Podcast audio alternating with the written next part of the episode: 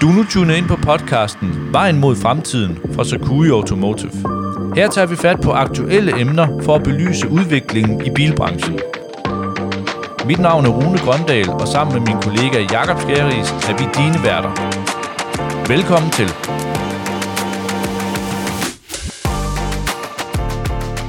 For en generation siden, der dominerede de europæiske bilproducenter det europæiske bilmarked.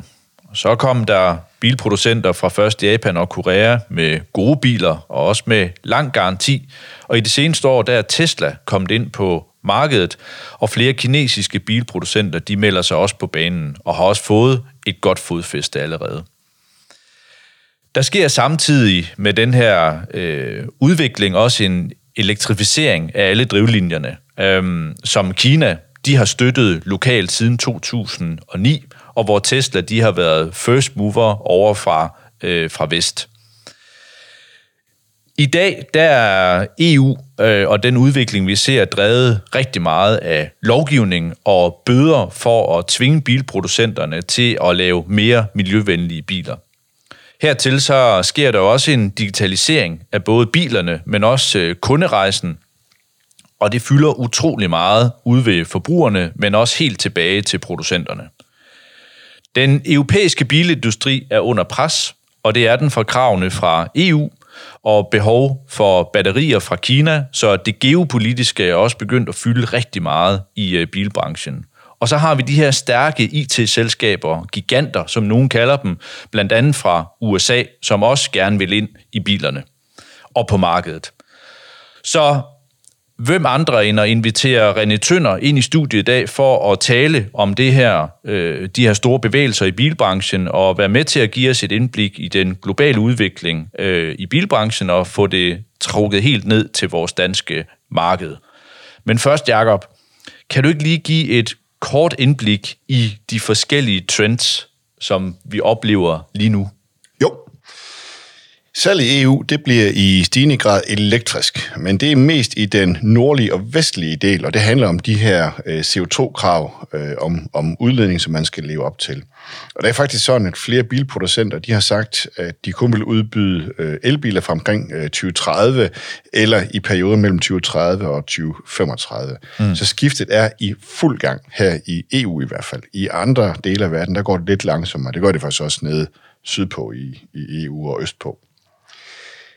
Men 56 procent af de batterier, øh, som elbilerne skal bruge, de produceres i Kina. Øh, og det er også Kina, der har adgang til flest øh, råmaterialer, øh, og det har man erkendt i, i USA tidligt, hvor man har lavet det her Inflation Reduction Act, der nu trækker investeringer tilbage til USA. Så EU, de er faktisk øh, bagefter på, på lige præcis det her område, som er så vigtigt for elbilerne, fordi man har sat sig mere på, på at stramme kravene til udledning end på at støtte industrien.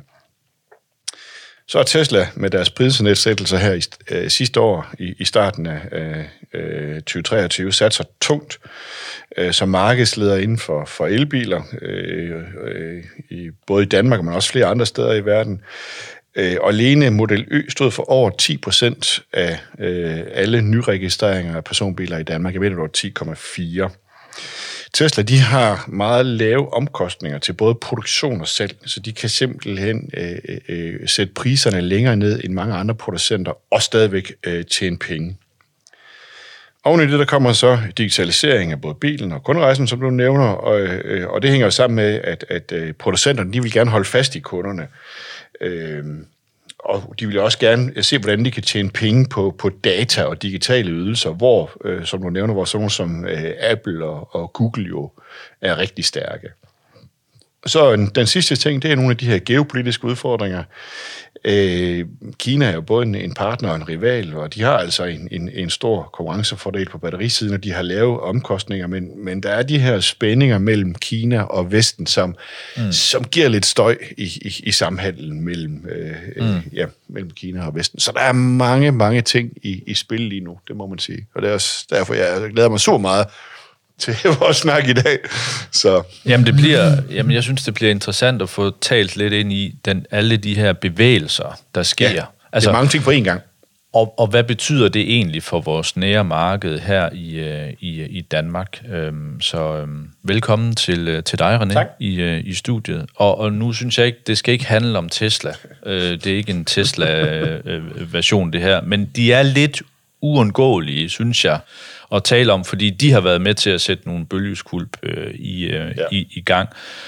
Øhm, så lad os bare få det overstået, og lad os komme godt i gang, fordi de her prisnedsættelser, øh, som du jo nævner, Jakob, øh, mm. som de kom med sidste år. Nu sidder vi jo i starten af 24, så det, er jo, det, det, det har jo årsdag, eller har haft mm. årsdag nu. Mm. Øhm, øh, hvad mener du, René, kan, kan, kan, kan Tesla, som jo er begyndt at fylde øh, en del, og som mange kigger på, og som også har været en, en, en faktor på, hvordan vi har set, at noget har bevæget sig, kan, kan, kan de fortsætte den her vækstrejse, øh, som de er i gang med, også nu, hvor vi har et øh, ego-projekt fra Elon på Cybertrucken, øh, lanceret i USA, og kompakt Tesla, der kommer senest i, i 25. Er det en nødvendighed for dem, eller hvad, hvad, hvad, hvad vurderer du?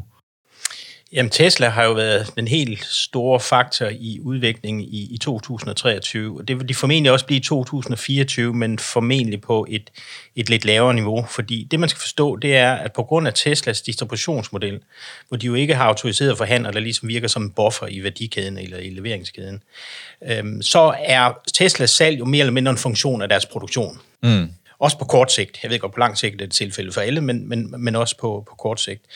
Og øh, der skete jo det i 2023, så lige tager det første, de udvidede deres produktionskapacitet ret væsentligt til omkring 1,9 millioner biler. Og, og så er opgaven i forholdsvis enkelt, så skal vi også sælge 1,9 millioner biler. Og så, for, og, og, og så igen er opgaven enkelt i forhold til, hvad skal prisen så være for, at vi kan sælge 1,9 millioner øh, biler. Og det var det, der var bag ved det der markante øh, prisfald, vi så især i starten af året, men jo sådan set også løbende øh, hen over året. I 2024 øh, hvis vi igen lige skal gøre Tesla færdig, der sker der jo ikke nogen, i hvert fald ikke nogen større udvidelse af deres produktionskapacitet. De kan formentlig altid køre lidt flere biler igennem deres gigafactories, både i Europa og i Kina og i, i USA. Mm. Men, men der er ikke nye fabrikker eksempelvis, som mm. kommer på banen. Og, og det betyder jo, at, at opgaven i 2024, sådan meget overordnet set, er den samme, som var i 23, selv 1,9 millioner biler.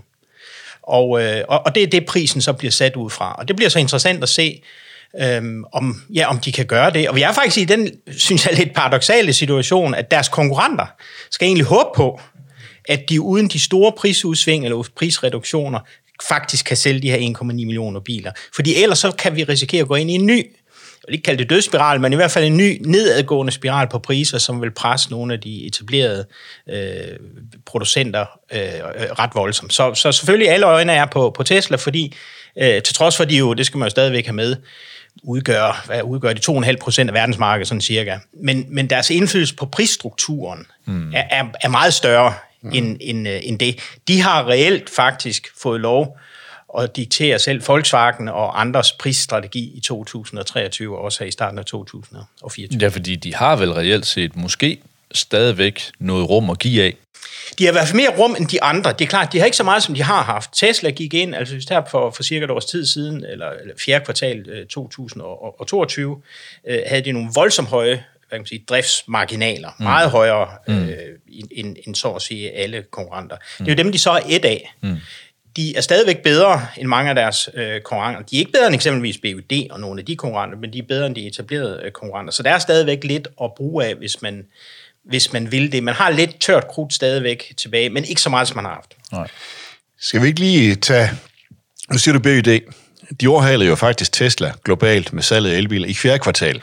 Ikke ja, på hele året, men, men, men, men, men, ja, ja, men, men i fjerde kvartal, så ja. de, de, de er på vej uh, forbi nu.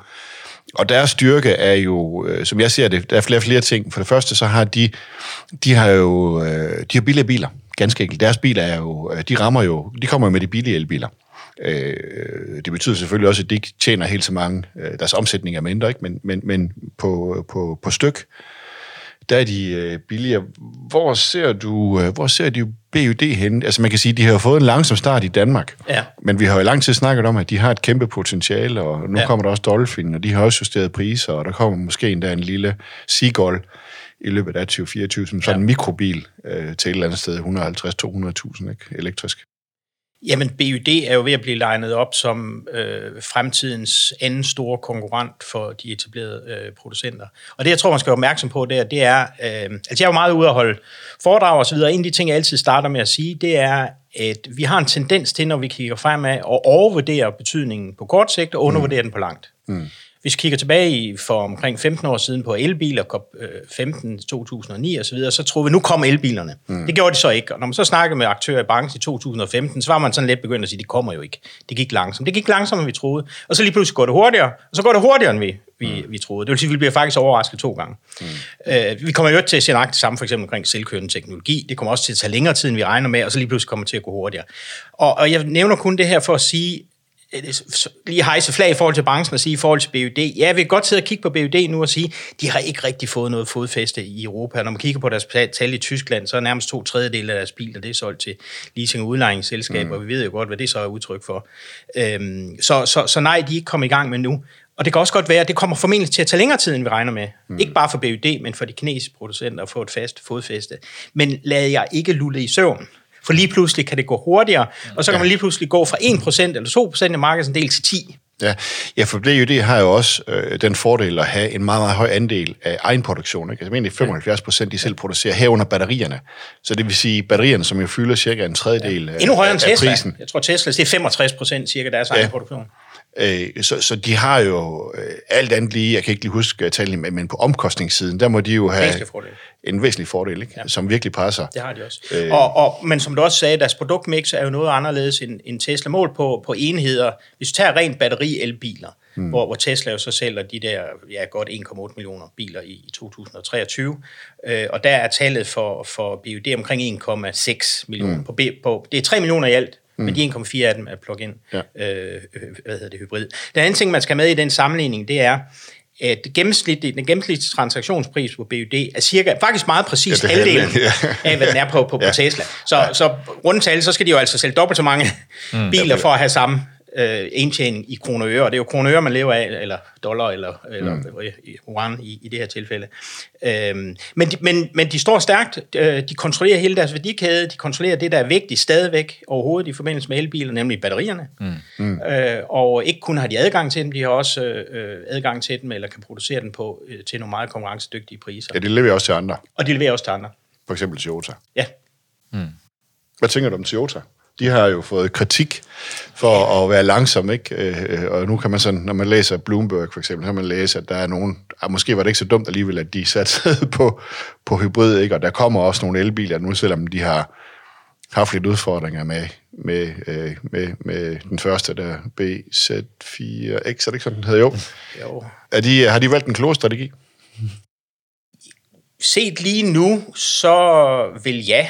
Og om ikke andet, så kan man jo tage aktiemarkedets øh, vurdering for, for, for pålydende. Og det er i hvert fald deres vurdering, mm. at, at, at, at Toyota blandt de store etablerede producenter indtil videre er dem, der sådan strategisk har håndteret det korrekt.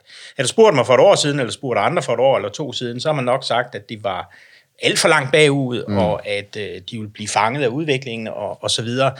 Men det lader måske til, at de har timet det meget godt, fordi de, de har jo trods alt elbiler undervejs. Mm. Ligesom så mange andre er det sådan et perspektiv, der hedder 2026-27. Mm. Ja. Så ligesom så mange andre skal de jo, jeg har sagt, holde den kørende indtil da. Det virker bare så også som om, at det kan de rent faktisk godt. Ja. Fordi til forskel fra eksempelvis Ford og også andre, har de jo ikke forladt de gamle etablerede segmenter, altså eksempelvis Nej. de små segmenter. Ja øh, så, mm. som jo stadigvæk er der. Der mm. bliver stadigvæk solgt øh, mm. små pendlerbiler med en 1,0 1,2 benzinmotor, mm. også i Danmark, selv i Danmark. Ja. Og der er ikke rigtig nogen, udover Toyota, der faktisk reelt konkurrerer det marked lidt Stellantis også. Men, men altså, så, så ah, på den måde har de jo... Men ja. ja, men, men, men derudover så kan man sige, har de, har de jo så, så, ja. så strategisk har de jo indtil videre øh, set det ud til, blandt de etablerede producenter, og det, mm. man skal lige lave den adskillelse mellem, om det er opstarts, øh, mm. EV osv., øh, har de jo nok faktisk valgt en klog strategi. Ja. Jeg er ikke andet sikker på faktisk Volkswagen, hvis de kunne, det kunne de så ikke, fordi de er europæisk baseret, øh, og, og dermed er inde under EU-regler osv., øh, så vil de nok i dag hellere have, have ønsket, at de havde valgt Toyota-strategi. Men det kan vi endnu komme tilbage til. Mm. Men, men forskellen på Folkevogn og Toyota, det er jo faktisk, at, at, at Toyotas drivliner de har mange hybrider. Og det gør faktisk, at deres drivlinjer ligger lunt i svingen ja. i forhold til de her CO2-krav, ja. og, og, og de har ikke uh, de store problemer med at overholde dem. De har ikke samme behov for at de har fylde ikke samme behov for at fylde op med elbiler, ja. som, som, som andre producenter måtte have. Ikke? Så, så det er jo ja. i hvert fald en, en, en, det giver langt, langt mindre pres, og Ja. muligheden for netop at beholde mindre biler i programmet. Mm. Som, uh, mm. Mm.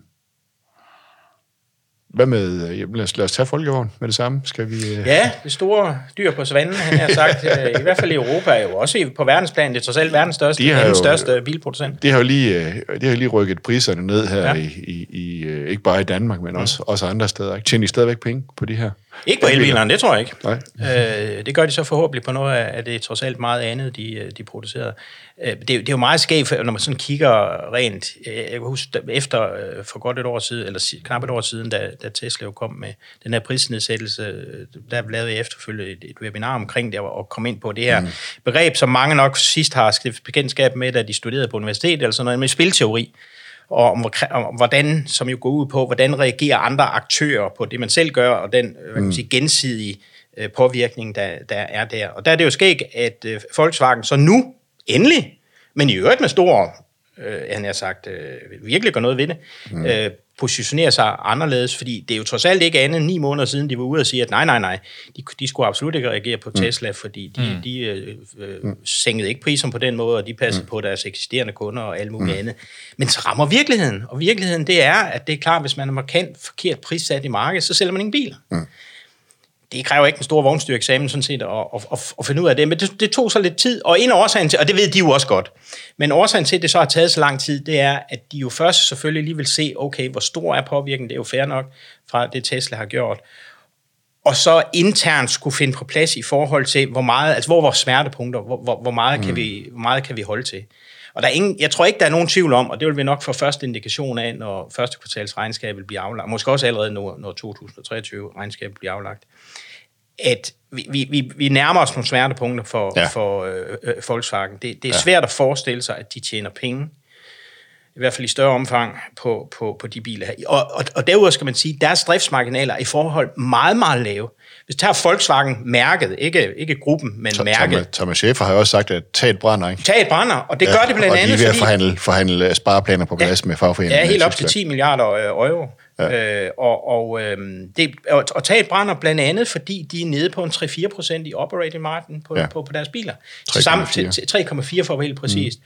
Og til sammenligning er Tesla efter deres markante nedsættelser ligger på en 16-17 procent. Ja, det er vildt. Mm. Så det, det, altså, det, det, det vi- viser jo, at man er i to vidt forskellige situationer, og det er måske ja. også derfor, at i alt det, vi snakker om nu, hvad der sker sådan på overordnet og strategisk plan, det vi, det vi kigger ind i nu, eller den fremtid i, i to-tre år, måske også længere perspektiv, det er, det her bliver en krig eller en kamp på omkostninger. Ja, mm. enig. Mm. Det gør det. Mm. Og der kan man sige, der er det jo...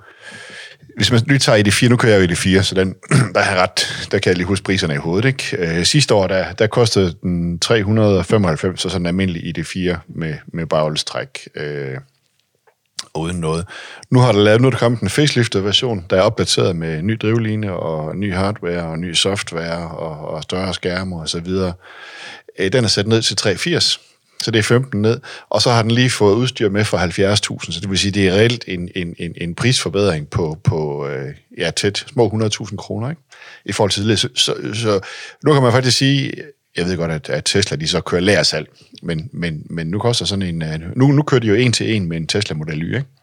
Sådan lige, øh, og så bliver det spændende at se, om, nu, det- nu afslører jeg jo så, at jeg har, en, jeg, jeg, jeg, kører jeg, har jo, jeg øh, vælger jo ID4, men, men hvad siger kunderne? Mm. Om, om, om, er det ligesom Tesla Model jeg, tænker er? mere, jeg, jeg, jeg tænker mere, da vi så Tesla, og så så vi, at der kommer ikke nogen reaktioner, og det var sådan mere eller mindre bevidst øh, i starten.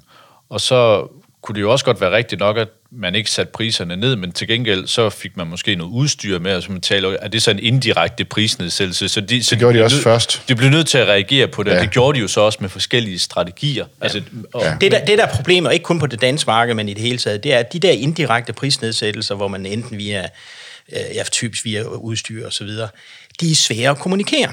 Der kan man sige, en, en Tesla, man sætter 100.000 ned, det er til at forstå. Det, det- det, det, det, det- det er rimelig liv af landevejen. ja, jeg tror også, at det, at, at, at det, er jo det, altså, spørgsmålet er, om vi kommer til at se lidt, lidt mere simple, man kan sige, modeller. Altså, det er også altså, ud i... Ja ud i øh, altså ud til forbrugerne, altså sådan at, at øh, det, det er nemmere at forstå, og dermed så bliver det nemmere at sammenligne, og dermed så bliver det rent faktisk sværere, fordi at hvis du kommer fra en traditionel øh, OEM, der har 100 forskellige krydser, du kan sætte, og alle mulige andre ting, jamen øh, mod en, der kommer øh, med en meget mere simpel struktur, og en meget mere, man kan sige, øh, man kan sige øh, identificeret pris på, øh, på produktet, jamen øh, så skal man godt nok være skarp i sin, øh, i sin kommunikation for at, øh, og, øh, og, og få lavet en sammenligning. Altså der, der, der tror jeg, en af hemmelighederne bag Teslas øh, succes, øh, de også ligger. Altså, at det er lav simpelthen, kompleksitet. Det er simpelthen ja. lav kompleksitet. Det er simpelthen ja. nemmere for forbrugerne at kigge og, ind i. Og, og du kan sige, vi snakker om lige før, at det her bliver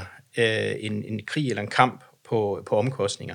Og en af de første ting, man er nødt til at gøre for at nedbringe sine omkostninger, det er at nedbringe kompleksitet. Mm. Og kompleksitet, det er både i produktionen, det er også i forhold til kunden og de muligheder, der ligger der, og i hele distributions ja. øh, modellen. Og det er jo også derfor, det er jo der, vi ser de afsmændende effekter, for eksempel i forhold til, til Danmark. Sige, hvad, alt det her, når vi sidder og snakker om sådan på, på høj plan, og hvad OEM i udlandet gør og alt muligt andet, jamen det får jo nogle rent konkrete betydninger for det danske marked. Det betyder for eksempel at nedbringe omkostninger. Det bliver andet at simplificere distributionsmodellen. Mm. Hvad betyder det? Det betyder, at man skal have færre forhandlere. Mm. Derfor går, hvad hedder det, øh, Renault eksempelvis fra, nu kan jeg engang huske det, 40 eller 45, eller mange de havde, forhandlere ned til nærmest fem, jeg ved ikke, så, så de har flere udsalgssteder, øh, og, og, og alle prøver at nedbringe den der kompleksitet. Mm. Hvorfor? Fordi de er nødt til det for at nedbringe omkostninger. Og det her bliver en krig på omkostninger.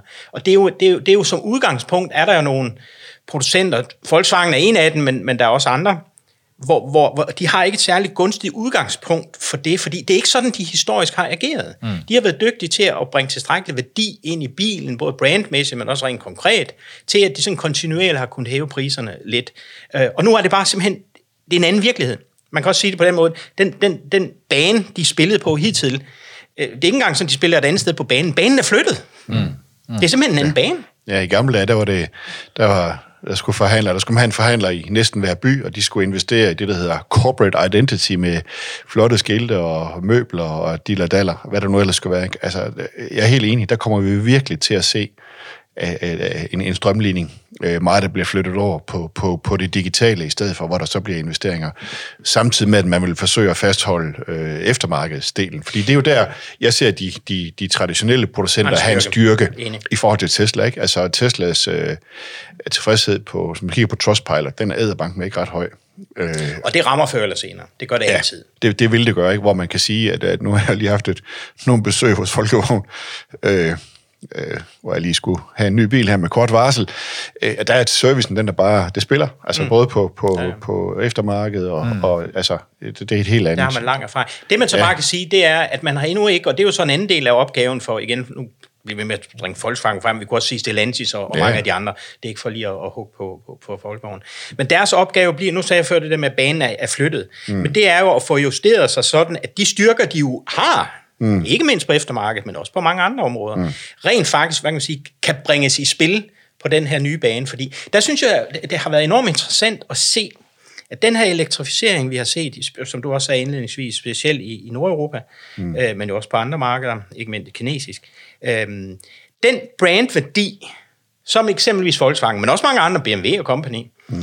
havde, eller stadigvæk har, på biler med forbrændingsmotor. Ja. Det har vist sig enormt svært at bringe den med over Ja, der, til der elbiler. Der ryger noget, der ryger noget undervejs. Altså, ja, det, det, det, fordi, du, du kan sige, hvis ikke vi havde elbiler, så, så øh, hvis man spurgte, han har sagt sin far, eller den i familien, der, der, der har lidt forstand på biler, så ville de sige, køb, køb en Golf. Mm. Altså, det, den er godt nok mm. lidt dyr end de andre, men holder en god værdi, mm. og øh, den starter altid, og det er det fornuftige gode køb. Mm.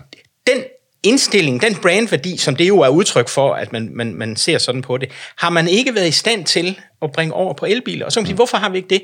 Jeg tror, en del af forklaringen i hvert fald, der er sikkert også andre, men en del af forklaringen er ganske simpelt, at vi som forbrugere betragter elbiler som et nyt produkt. Mm. Det er det jo ikke, det er en 100 år gammel opfindelse, men, men, men vi betragter det som et nyt produkt. Det, det er en ny ting, det er et nyt marked, mm. og derfor er vi også villige til at kigge på nye jeg har sagt, aktører, aktører nye mm. mærker, nye, nye, nye brands. Det er, og det, noget, ja, det er jo det, det er en kæmpe ulempe for de etablerede, fordi det betyder, at det, de har investeret milliarder i, nemlig mm. opbygge brandværdi, mm. har ikke den store værdi, har selvfølgelig altid lidt, men det har ikke den, i hvert fald ikke samme værdi. Og på elbiler. Men det kan godt overraske mig, det der, fordi at øh, vi har år, altså tilbage, altså i, i årene har vi jo studier, der, der lige præcis siger det der, der siger, jamen når det er sådan, at øh, en forbruger skal skifte øh, drivlinje, så er loyaliteten fuldstændig i bund. Ja. Altså, det er, du starter forfra. Ja. Øh, så der er ikke nogen mærkeloyalitet. Altså, så, øh, har du, så åbner du fuldstændig øh, skyklapperne, og så er alt øh, i spil. Øh, så, så, øh, og, og det tror jeg, en antagelse, øh, at øh, måske nogle af de etablerede øh, spillere, de har undervurderet. Jeg synes, vi skal snakke om en, en, en ret etableret spiller, som, hvor der sker en hel del, øh, nemlig Ford. Altså, de har jo både rykket øh, flere modeller ud af programmet, der Fiesta for eksempel, øhm, og de kæmper med at få øh, elbiler på, på, øh, på vejen, ikke? Øh, jeg ved, de har en Mark E, som selvfølgelig, øh, men, men der kommer den her Explorer, som skal være deres volumenmodel, øh, hvor de har teknikken fra, fra Folkevogn, som jo er forsinket. Den skulle være kommet øh, sidste år, og den kommer nu først omkring øh, sommer. Øh, ny importør, der sker mange ting mm. for, for, for. Hvor ser du fortiden her, ja. Det er jo et rigtig godt eksempel på, på en anden af de billeder, jeg ofte starter mine foredrag med, mm. nemlig at sige, at, at det her er jo en kamp øh, mellem sådan lidt billigt talt, mellem Detroit og Silicon Valley. Altså mm. mellem den, den gamle etablerede, mm. produktorienterede, tekniske ingeniørverden, og mm. så en IT-verden. Indtil videre er det ene succesfulde, hvad kan man sige, fusion mellem de to verdener, jo rent faktisk Tesla. Og jeg ved godt, så er vi tilbage til Tesla igen. Og, og det er ikke for, der er også mange ting, de gør forkert, det er slet ikke det. Men det, det er i hvert fald en, en succesfuld fusion med, med nogen, der kommer fra den ene verden, og, og fusionerer med, med den anden verden, efter de lige var igennem production helle og, og så videre for mm. 3-4 år siden. Øhm, nogle af de kinesiske tyder på, at de kan gøre det samme. Mm. Ford er jo et enormt godt eksempel på nogen, der jo sådan, hvad kan man sige, lader til at have den rigtige strategi, hvis man kan bruge det udtryk, og i hvert fald de rigtige, eller nogle sympatiske indsigter osv., men det viser sig bare enormt svært at udføre det. Ford er også interessant, fordi Ford, som, som vil rent faktisk det eneste af de etablerede mærker i deres regnskabsaflægning, og det er jo et amerikansk firma, så de aflægger jo regnskab kvartalsvis, øh, har brugt deres divisioner op.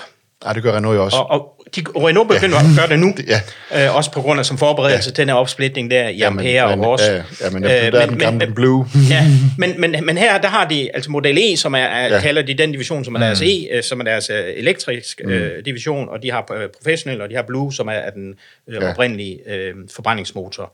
Øh, og der kan man, så man kan jo se helt konkret, hvad, hvad, hvad ja. deres el satsning koster. som i øvrigt er skaleret voldsomt ned, det kan jeg komme tilbage til, øh, hvad den koster. Og den kommer til at koste, de får et tab på Model E-divisionen i størrelsesorden knap 5 milliarder, 4,5 til 5 milliarder dollar mm. i i 2023. Mm. Det er voldsomt mange penge. Mm. Den eneste årsag til, at de rent faktisk gøre det, paradoxalt nok, det er, at de sælger stadigvæk en forfærdelig masse F-150 øh, med, med store benzinmotorer, som de så tjener penge på. Ja, jeg, tror, jeg tror, de gør nok, det er, jeg tror, det er blevet hybrid. ja, ja. men, men, men, ja. Øh, men, men det er jo lidt, lidt paradoxalt, det er ikke desto mindre. Men, men, jeg men, tror stadig, den bruger en del brændstof. men, men det er fint i hvert fald, at de deler den der op, fordi det viser noget. Og, og jeg vil våge den påstand, at hvis Volkswagen gør det samme, og det kommer de aldrig til at gøre, også fordi der er jo andre regnskabs, eller de aflægger regnskab på en anden måde i Tyskland. Øhm, hvis de også laver en opsplitning af deres eldivision, mm. så er det lignende tal, eller måske endnu værre. Mm. Øh, men Ford, og når vi snakker om dem, altså det er jo også et eksempel på, at Elektrificering fortsætter. Ingen ja. tvivl om det, og, og det skal man ikke misforstå. Men vækstraterne kommer til at tage af. Mm. Vi har måske, fordi vi jo selvfølgelig som danske aktører, så kigger vi jo på, hvad sker der i Danmark, og så ekstrapolerer vi nærmest det ud til resten af verden, og tænker, mm. så må det også være andre steder. Det er det altså ikke. Mm. De vækstrater, vi ser i elektrificering i Danmark, ser vi slet ikke på langt de fleste andre markeder. I, i USA er der fortsat vækst, det skal man skynde sig at understrege, men på et lavere niveau end, end tidligere. Og det har jo gjort for lige rundt for af, at øh, ud af de investeringsplaner sådan på 2-3 års sigt på helt op til 12 milliarder dollars, som de havde, der er de altså gået baglæns på de 10. Mm. Det er ret voldsomt faktisk. Mm. GM har jo gjort det samme. Mm. Øh, og GM har aflyst det samarbejde, de havde i, i plan, øh, var i gang med med Honda. Det var et 5 mm. milliarder dollar samarbejde om at producere mindre elbiler. Det er de også trådt ud af. Mm. Så, så de, der er altså en, en, en gang rygtsvømning i gang der. Og det er ikke, fordi de ikke vil. Fordi de har begge to ledelser, som gerne vil det her. Så det, og, og det er heller ikke udtryk for et eller andet forberedelse på, at Trump kommer tilbage eller noget. Det er simpelthen fordi, lige nu er der ikke penge i det. Mm. Mm. Mm. Mm. Hmm. Jeg kan, ikke lige, hvad, kan du huske, hvad markedsandelen er for elbiler i USA lige pt? Jeg tror, at det seneste tal det er vel omkring 7 procent, okay. sådan i, i den størrelsesorden. Men jo meget drevet af nogle få marker, især Kalifornien selvfølgelig, men, ja. men, men nogle få og så øh, marker. Østkysten nok, nok ja. også. Ja. Og deres, øh, øh, altså vækstraterne falder jo fra, fra sådan 30-40-50 procent i foregående år ned til måske 15-20 procent eller sådan ja. et eller andet i, øh, nu. Så der er stadigvæk vækst, men på et meget lavere øh, niveau. Og der skal man lige have med, at USA er jo, er, er jo et, et, kæmpe marked med... Ja, ja. Mm. Det næststørste øh, marked efter Kina, Kina. ja. Ja, ja, mm. ja. Og der kan vi sige, til sammenligning, så øh, havde vi jo 36, øh, altså elbiler havde 36 procent andel øh, blandt nye biler i, i 2023, og kan komme op på nok 50 procent ja. her i, i 2024, fordi mm. vi må sige, vi har vi er over det punkt, hvor, hvor folk de ligesom, øh, det er det naturlige, blevet det naturlige valg i, i Danmark, ikke? Enig. Øh, jo. Jo, jo, men vi har jo også en fantastisk, øh, man kan sige, infrastruktur og vores øh, lands sammensætning. Der er jo ikke særlig langt imellem mm. byerne, og vi kører jo ikke særlig langt til dagligt og sådan ting, så mm. det passer jo rigtig, rigtig fint. Ja. Man ja. siger, USA er jo måske lidt anderledes. Selv ja, men, men du kan også, man behøver som ikke engang gå til USA, altså du også nævnte indledningsvis, øh, øh, jeg tror, Jacob, du nævnte det, at, at øh, Sydeuropa Ja, øh, er jo en helt anden historie. End, ja. øh, jeg tror, hvis jeg husker tallene sådan nogenlunde korrekt, og I må ikke helt altså, hænge, hænge mig op på, på kom, øh, det sidste komma, men så i Italien i 2023, der var salget af batteri-elbiler mm. 3 procent. Ja. Jeg gentager, 3 procent. Ja. Altså ikke engang en tiende del af, hvad det var i Danmark. Øst, Østeuropa går også træt. Og der er hvor nærmest så. ikke, der er lande, ja. altså Men det er jo også en Rumænien, anden- Bulgarien og så videre, hvor det ikke er eksisterende. Men det er jo en anden økonomi, og, ja. og, og, og den her omstilling, den koster bare. Ja. Altså, øh, ja. Øh, det gør den, og det, og det skal man jo også være villig til. Det synes jeg også, vi er her i Danmark. Det har man også været i, i Norge. Nu, jeg var på ski øh, imellem jul og nytår i, i Norge, og øh, boede ved siden af en nordmand, og øh, kom fra Oslo. Øh, og øh, og øh, han havde en, en elbil. De havde faktisk to. De havde en lille en, som de kørte i ind i byen, og så havde de så en større en, som de så var øh, kørt på fjellet i der. Og øh, hans næste bil, det skulle være en diesel. Den Ja, det, er jo, det er jo noget overraskende. Jeg synes simpelthen, og jeg var sådan i tvivl om, okay, øh, Han kan, skal, han skal nå at købe, inden de lukker. Skal- han skal skynde sig. skal jeg nævne det? Øh, det, det, det? Det virker jo fuldstændig paradoxalt. Men, men de begynder at lukke ned for deres øh, tilskudsordninger og Ja. alle mulige andre ting, og, tyskerne øh, og, og, og, Ja. og bekvemmeligheden. Og der må man bare sige, jamen, øhm, øh, set fra samfundets siderne, altså så, så, øh, så, så, så skal man også indstille sig på, at øh, den her elektrificering og den grønne omstilling, den koster. Den koster, og, den, så, og, og også, så, man skal også, øh, så tror jeg, det skal regeringen være med på. Ja, og man skal også indstille sig på, at det er ikke sådan en lige linje, altså det, det Nej, bliver nej. lidt stop and, and uh, go. Det, det der måske, for, for, for lige at følge op på det der, man kan sige, og når man sidder og betragter tingene fra sidelinjen, som jeg jo gør, der er lidt uheldigt ved alle de her subsidieordninger osv., mm. man har i, mm. i forskellige lande, og som vi jo også har i Danmark, om ikke andet indirekte ved, at den er fritaget for nogle afgifter. Det er, at vi kender ikke den reelle efterspørgsel. Vi kender den efterspørgsel, der er, han har sagt, når man får noget med. Mm. Øh, og det er, jo Ja. fint, det er jo fint nok, men det, men det har vist sig, Sverige, Tyskland, mange markeder, i det øjeblik, man trækker den, de der subsidier væk, så i hvert fald i en periode, falder efterspørgselen markant. Og, og, og det kan så både være udtryk for, at efterspørgselen rent faktisk uden subsidier er meget lavere, end vi regner med. Det kan også være udtryk for de markedsforstyrrelser, der ligger i subsidier ved, at hvis man så forventer, at de kommer nok igen på et senere tidspunkt, så, så holder man op. Jeg nævnte Italien før, mm. øh, og vi snakkede om, inden vi gik live her, Jacob, om, om lidt om det italienske marked. Nu, nu, nu kommer regeringen der med nogle, nogle øh, tiltag for... Snakker om det. Snakker om det. De er ikke engang kommet med det nu. De snakker om det. Hvad sker der så? Jamen, det er klart, alt går i stå. Yes. Og, og, og så venter man på, at der kommer et eller andet der, man har en tåbe, hvis man går ud og køber en elbil i Italien nu, det ja. giver da ingen mening. Ja. Og, og, og, og så udover, der er de markedsfordyrelser, og der er også en, en tåge omkring, hvad er den reelle mm. efterspørgsel. Mm. Og jeg tror først, vi, vi kender først den reelle efterspørgsel om 2-3-4 år, mm. når vi begynder at få de her billigere mm. øh, elbiler, hvor vi kommer ned i de der 20-25.000 euro mm. øh, niveau, og hvor det så kan stå på egne ben, ja. Hvis man kan sige det på den måde. Så kender vi efterspørgselen. Ja. Jeg, så skal man sige, de kommer jo også. Stellantis, kommer, kommer, ja. Stellantis kommer jo nu med, med, med EC3, og, og, og den kommer jo også som, som Fiat, og i øvrigt lidt senere som, som Opel. Så lad os lige tage... Nå, med det afgiftssystem, vi har i Danmark, og selv, Den er med, under. selv med indfasningen for 25-26, så kommer vi til at se masser af, masser af biler, øh, elektriske biler, der er under grænsen. Ja, lige præcis. Så de, de, de, Så går mange af de der stå. små biler, øh, små elektriske eller mindre elektriske mm. biler, som kommer nu, de er alligevel under afgiftsgrænsen. Mm. Så, så man kan sige, at 26, der bliver... Men altså, de andre lande, de kan jo bare ja. ringe til Danmark. Det kunne Italien jo også have gjort for lige at spørge dem, hvad sker der egentlig, hvis vi begynder at snakke om at, at gøre noget med nogle, øh, nogle afgifter eller noget mm. med nogle subsidier? Mm. Så går alt i stå, Ja. ja. fordi det har vi da om nogen set her. Ja. Øhm, Nu kører Stellantis jo sådan egentlig faktisk rimelig jævnt. Det har Carlos Tavares sådan jævnt godt styr på. Øh, Hvad med øh, Renault, Luca De Meo, med de sidste ting, det her Ampere og de nye små elbiler? Er han ja. ligesom kommet tilbage på banen igen? Han havde en hård start med Rusland, ikke? Ja, det må man sige. Det var nærmest dagen efter, han, til, han tiltrådte. Øh, han skulle nedlægge noget, der gav omkring en tredjedel af bundlinjen. ja. Men det gjorde han jo så, og det ja. viser jo så også, at man er i stand til og villig til at træffe de, øh, de, de hårde beslutninger. Man har også truffet nogle øh, vigtige beslutninger omkring samarbejdet med Nissan i den der alliance. Ja, hvor de har, Nissan, nu har de fået balanceret af. Ja, hvor de er ved at... Få strømlignet det. Ja, få det strømlignet og få et, hvad kan man ja. sige, et normalt samarbejde og, mm. øh, op at stå der, og, og det er også rigtig fint. Det har taget meget fokus øh, væk fra, fra, fra noget helt andet, fordi det er jo sjovt nok, lidt på samme måde som Tesla, var, undskyld, Toyota, mm. var frontrunner og, og, og pioner på plug-in eller ikke ja. både hybrid, men og lidt senere måske også plug-in hybrid, men i hvert fald hybrid med, ja. med Prius og så videre. Så var Renault jo blandt de aller, aller første, ja, med Zoe, det må jeg være med til at sige, ja. Zoe Fluence. Mm. Og, og, og i øvrigt også omkring, de var også omkring uh, Better Place der, og, og, og, og det, det, der så skete der. Men det viser i hvert fald, at, at, at de var så måske for, for tidligt. En, en, synes jeg, enormt interessant ting, der sker med Renault nu, og som jeg tror, de andre producenter ser på med, med, med stor interesse, det er den her opsplitning af selskabet i, hvad kan man sige, den etablerede, mm. øh, som Horse. Kan, horse, så sig ikke, at franskmænd ikke har, har humor. Øh, det, det, det har det.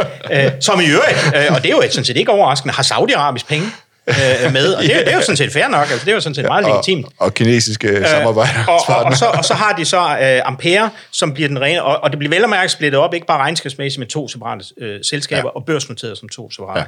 Og, og en årsag til, at man gør det, det er jo, at det har vist sig, der er Tesla, men også andre jo det fremmeste eksempel på det, at de rene batteri øh, øh elbilsproducenter, altså i hvert fald dem, der har succes, mm. bliver prisfastsat på børsen mm. langt højere, til bedre, langt højere TP. Langt bedre adgang til kapital. Simpelthen. Og, ja. og, og når vi snakker om, fordi vi snakker om før, det her er en, er en kamp på, på, på omkostninger, det er det også. Det er også en kamp på kapital. Ja. Øh, og det her er en måde, hvorpå man så tror jeg, man regner med fra Renaults side, og det tror jeg sådan set, de får ret i, mm. øh, får bedre adgang mm. til, øh, til, til kapital. Og det gør jo også, at de to selskaber har, hvad kan man sige, det er meget fokuseret. Altså, der bliver også taget noget kompleksitet mm. ud, kan man sige. Altså, hvis du er i Ampere-divisionen, så skal du ikke forholde dig til, at vi skal også ligesom lige holde gang i det her forbrændingshalløj, fordi det giver trods alt noget cashflow, vi kan bruge over her. Mm. Nej, det skal du overhovedet ikke forholde dig til. Du skal alene mm. udvikle mm. de bedste og de billigste elbiler, mm. der kan sælges i markedet. Slut. Ja. Punktum. Ja. Det er en meget enklere verden at være i. Og det er jo det, der har vist, fordi på den ene side bør det jo være sådan set være en fordel for de etablerede, at de netop har det, altså de, at, at de trods alt stadigvæk sælger rigtig, rigtig mange biler med forbrændingsmål motor, tjener penge på den. Mm. De penge kan de så bære over, han har sagt, elektrificeringsdivisionen, det er det, vi ser Ford gør, øh, og det gør de alle de andre også, de rapporterer det bare ikke på samme måde. Øh, og så kan de så bære derover og så bruge til at elektrificere. Det er jo sådan set, burde jo være konkurrencemæssigt en gunstig position at være i, i forhold til de rene, i forhold til, til de rene elbilproducenter, mm. som ikke har noget han har sagt, øh, øh, eksternt, der, der giver dem penge. Det har bare vist sig i praksis, at det, det, det betyder manglende fokus, det betyder manglende, ja, det her konsulentudtryk, agilitet, altså man er ikke hurtig nok til at reagere på ting. Det er jo også i det lys, man skal se, at Volkswagen, og i øvrigt også Stellantis, jo investerer i kinesisk bilproducent, ikke? Altså, hvor Volkswagen har købt øh, en væsentlig andel af Xpeng, mm. øh, og, og, øh, og Stellantis i Leap Motor mm. øh, har gjort noget tilsvarende. Mm.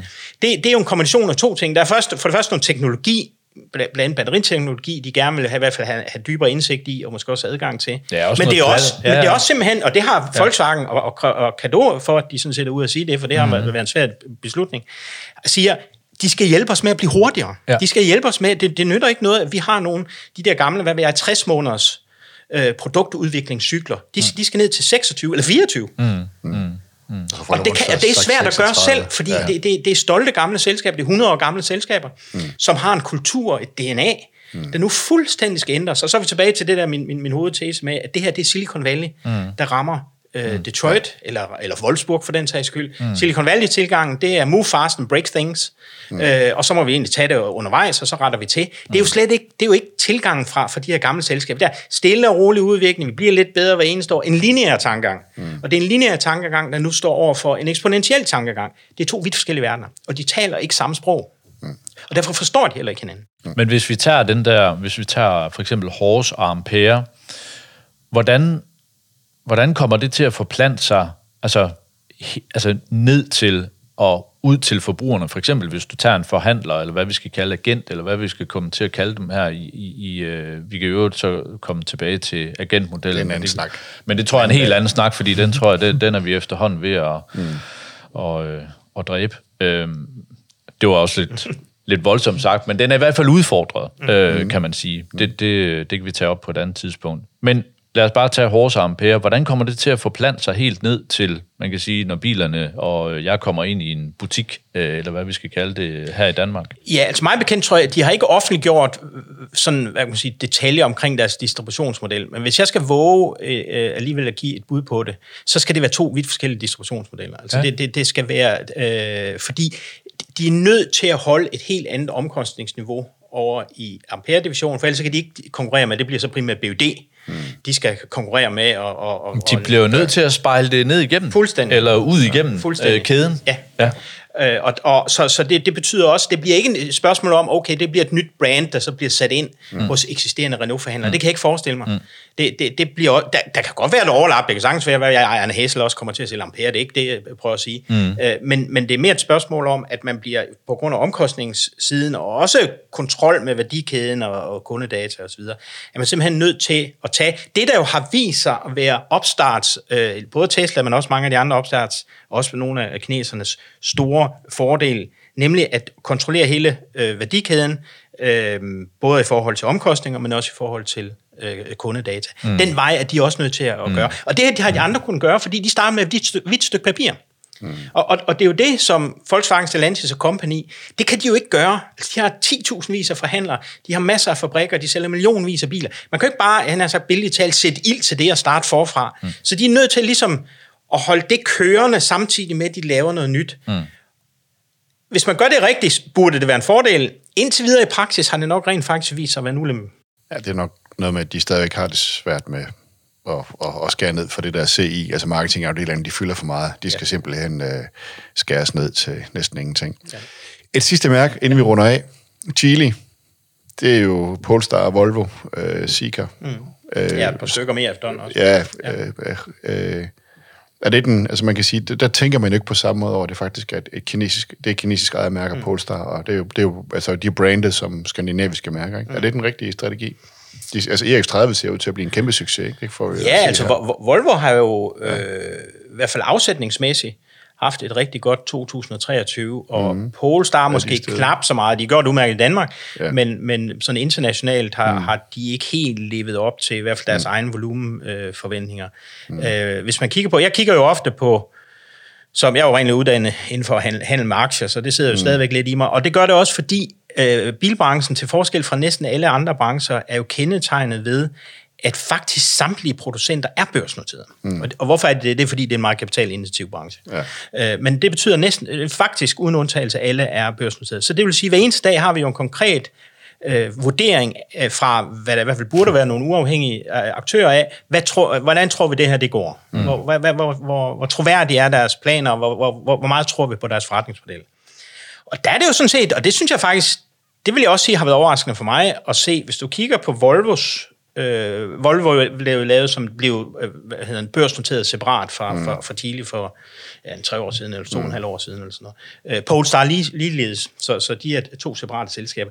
De har udviklet sig nærmest katastrofalt med hensyn til aktiekurs. Altså, mm. Polestar er, er, er faldet med sådan 80-85 procent. Mm. Det er lidt ligesom Henrik Fisker og nogle af de, mm. den der type mærker. Mm. Det er ikke for at sige at lægge dem i samme båd som Fisker, men det er bare for at sige, der er i hvert fald set fra aktionærers side, fra investorernes side, ja, en skepsis over for, mm. holder det her. Og det tror jeg ikke, det har ikke noget med at gøre, om det er en god bil eller en dårlig bil. Det forholder de sig ikke til. Mm. Det er forretningsmodellen. Og det er, er der en forretningsmodel i at sælge 70, 80, 90.000 biler?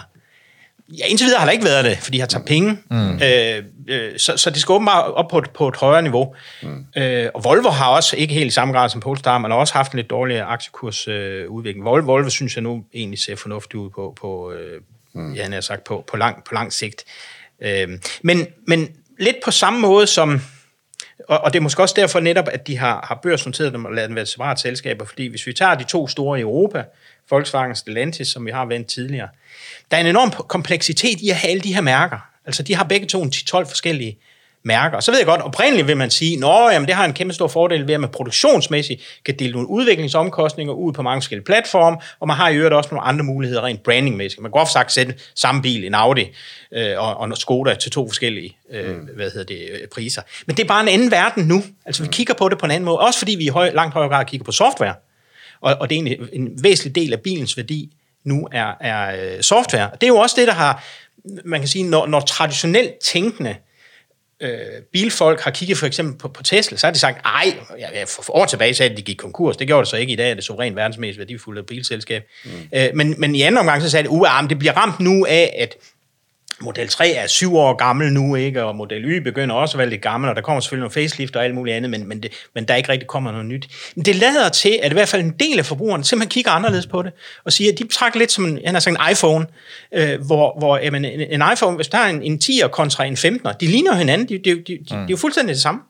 Jeg ved godt, den kan lidt mere, og det er en ny udgave også, der vil have lidt bedre øh, ladeteknologi og større batteri og alt sådan noget, men, men, men det, der er afgørende, det er softwaren. Mm. Og det er, at man hele tiden har adgang til den nye software. Og, og, og der har det jo vist sig, at, og det er jo den anden af, af de etablerede producenters akilleshæl, og måske derfor, at aktionærerne giver dem så lave p-værdier, som de gør, det er, at når en stor del af værdiskabelsen flytter over på software, det er bare ikke deres styrke. Kajat, Volkswagen, nu snakker ja, Volkswagen igen, selskabet er rigtig godt øh, udtryk øh, for det, hvor, hvor at det, at man er dygtig til, og det er man, at producere gode biler i et højt antal. Det betyder altså ikke, at man også er dygtig til software. Måske nærmest tværtimod. Mm. De, de kæmper enormt meget øh, øh, med det, og det er jo derfor, vi har haft de, øh, også Audi, der ikke har, jeg tror ikke, de har introduceret en ny bil i tre år, og altså ja. Ja. Porsche samme, fordi de har ventet på. Porsche, som ovenikøbet nu integrerer sig dybt med Apple, mm. med den nye Apple CarPlay, der kommer her i 2024, mm. Mm hvor, og det her det er jo bare totalt ud fra sidelinjen, hvis jeg sådan skal vurdere det, så vil jeg sige, det er da sådan lidt Porsche, der siger, nu gider vi altså ikke vente længere mm. På det, det der karriat. Vi er nødt til at komme videre. Mm. Ja. Og, og det må vi så gøre sammen med Apple. Mm. Meget interessant udvikling. Hold op. Spændende snak. Meget, ja. Øhm, vi kunne komme, ja, vi kunne tale om meget mere. Mm. Der er i hvert fald nogle ting at samle op på, øh, mm. så det, øh, det tror jeg nok, at vi skal komme tilbage, øh, ja. komme, komme tilbage til mm. og holde et løbende, løbende tryk øh, over på det. Ja, nok mange der ting, sker ja. rigtig mange ting. Ja. Øhm, jeg tror, det er sådan lidt op til også lidt fortolkning, hvad, hvordan man kan bruge det her til, til det danske marked, men måske hvis vi bare lige skulle runde en sidste ting af. Øh, har, er vi så blevet en lille smule klogere på, hvad det egentlig kræver af fysisk tilstedeværelse eller present, altså i forhold til, hvor vi måske var for nogle år siden, hvor vi måske lod os lidt, øh, man kan sige, forelske i den her online tankegang. Altså, jeg tror primært sådan på, når en bil er leveret, øh, og eftermarkedsdelen, der synes jeg, at vi ser nogle tendenser, øh, hvor man erkender, øh, at øh, man har simpelthen brug for noget fysisk tilstedeværelse. Det kan godt være, at det ikke er alle de der øh, 40 øh, steder, mm. men, men, øh, men i hvert fald noget fysisk tilstedeværelse. Det er vel en af de, man kan sige, øh, det, det er vel en af de ting, som, som man kan sige er kommet for at blive. Ja, og du kan også netop, når du tager eftermarkedet, så øh, en af de ting, vi jo i branchen i mange år har snakket om med hensyn til elektrificering, det var jo, at eftermarkedet, jeg har sagt, nærmest faldt bort, eller i hvert fald blev reduceret væsentligt. Mm. Og det bliver også reduceret. Mm. Lad, lad, os, lad os starte med at slå det fast. Men erfaringer fra mm. eksempelvis Norge viser, at det bliver måske ikke helt øh, reduceret i den grad, vi oprindeligt havde troet, mm. og at det så mere skifter karakter. Ja. Altså det kan være over på dæk, det kan være over på, der er flere skader eksempelvis, blandt andet på grund af momenter og alt sådan noget, på, på, på elbiler, det er en tungere bil. Øh, så, så det ændrer mere karakter. Det jeg egentlig prøver på at sige, det er, der er stadigvæk et eftermarked, mm. også på elbiler. Mm. Og når der er et eftermarked, så kræver det kræver fysik, det kræver logistik, det kræver, at der er et sted, man fysisk. Fordi når vi snakker digitalisering, og det vi snakker om i overvis i vores branche, så lad os så er der jo en ting, vi kan starte med at slå fast. Det lyder måske lidt basalt, eller måske nærmest banalt. Bilen er fysisk. Ja. Det er den nu, det er den om 10 år, det er den om 50 år. Mm. Den er fysisk, den er atomer, den er ikke et tal og nuller. Når noget er fysisk, så kræver det logistik, det kræver en eller anden form for service, mm. og det vil også være tilfældet med biler, også elbiler, og også når de bliver selvkørende og alt muligt andet. De vil ja. stadigvæk kræve det. De vil kræve det i en anden form, og måske med en anden frekvens, end det vi har været vant til, øh, og, og, dermed skal, skal det net også ændres. Men, men den forretningsdel er der stadigvæk. Mm. Øh, det man måske kunne forestille sig, når vi kigger lige, hvis vi runder af der på, på distributionsmodellen, det er, at det der med, med at ja, øh, de store pladser, hvor det hele er samlet et sted, den, den model tror jeg, man kommer til at gå bort fra. Man vil have nogle flagship stores rundt omkring nogle enkelte steder. Det kan det, groft sagt være de 5-7 største byer i Danmark, så behøver det ikke være anderledes. Og så kan man have nogle, mere nogle udleveringssteder. Altså folk lader til at være udmærket tilfreds med at give trods alt måske op på 400.000 for en Tesla, og så afhente den i et skur nede i Vamdrup på Dansk Logistiks øh, mm. store parkeringsplads. mm. Altså det, det lader ikke til at gå ud over deres brand. Så, så jeg kan da godt forstå, at der er nogen, for eksempel for nylig øh, Peugeot-forhandlere, øh, der siger, det der med, at vi skal til at bruge i 100.000 vis, eller måske op på en million, på ny CI og ja, møbler og alt muligt andet. Altså, det er bare penge ud, det er bare penge ud af lommen. Ja. Og, og, og, og det igen, og der er jeg meget enig med det, du nævnte tidligere, Jacob, at, at det er bare et nyt game. Altså det, det, ja. Virkeligheden er anderledes. Mm. Vi, vi som ja. forbrugere agerer anderledes. Vi mm. lægger vægt på nogle anderledes ting. Mm. Og det lader altså ikke til, at det at gå ind i et stort, fint glasbalads, det er helt så vigtigt, som det har været. Det kan godt være, det er, hvis det er, hvad ved jeg, Lamborghini og alt sådan noget i den stil, men for langt størstedelen af bilerne lader det ikke til at have samme effekt. Mm. Mm. Jeg tror, det er plads til to biler ved Tesla ude i Aarhus, der, ja. fordi de ikke har solgt dem. Vi må Spændende. nok hellere runde af. Øh. Ja, det tænker jeg. Øhm, og øh, så kan du vanligt øh, måske prøve at vende af med, hvis du kan øh, overkomme det mm. øh, med de tre vigtigste pointer. Tre vigtigste ting. Ja. Mm. Der er mange ting her. Øh, lad os starte med elektrificering. Altså, man må sige, det er jo en, en, det er jo den vej, det går. Altså, så, så, så den, den kører videre. Den kører lidt i, i ujævnt tempo, men, men det er den vej, det går. Og her i Danmark, der ligger vi, vi, der ligger vi godt til. Øh, og der er det det meste af regeringen, der kan bremse noget med, en uhensigtsmæssig, med uhensigtsmæssigheder. Den anden ting, det er omkostninger. Øh, det er mega vigtigt, så det, at, at øh, bilproducenterne kigger på, øh, når de producerer, og får reduceret kompleksiteten, for begrænse deres omkostninger, for at holde produktionen nede. Og hvis det er sådan, det er for dyrt at producere i et land, så må man jo flytte til et andet land. Øh, hvad ved jeg, Slovenien eller hvor det er billigere at producere. Øhm, og så den sidste ting, det er jo også øh, distributionsledet. Det kommer også til, øh, jeg tror, det er en postkart for sig selv, men, men, men det kommer jo også til at blive anderledes, for det, det, bliver, det skal også strømlines. Altså, øh, mm. ja, selvfølgelig skal der være værksteder, der tror jeg, der vil være det samme antal, nogenlunde som vi har i dag. Øhm, men den øh, digitale kunderejse, der skal man investere massivt, og så til gengæld, så er det fysiske lokationer, der skal man øh, strømline, og så finde ud af, hvordan man skal indrette sig fremadrettet. Så det var de tre ting, jeg vil lave. Tak, Jacob. Hmm? Og tak øh, for deltagelse. Tak fordi du kom. Ja, og øh, tak til jer, der lytter med derude. Og øh, så er der bare tilbage at sige, øh, vi høres ved. Ja, det gør Hej. Hej. Tak fordi du lyttede til podcasten Vejen mod fremtiden fra Sakui Automotive. Dine værter var Rune Grøndal og Jakob Skæris, Podcasten udkommer en gang om måneden, og du kan læse mere om podcasten på automotiveuniverse.dk.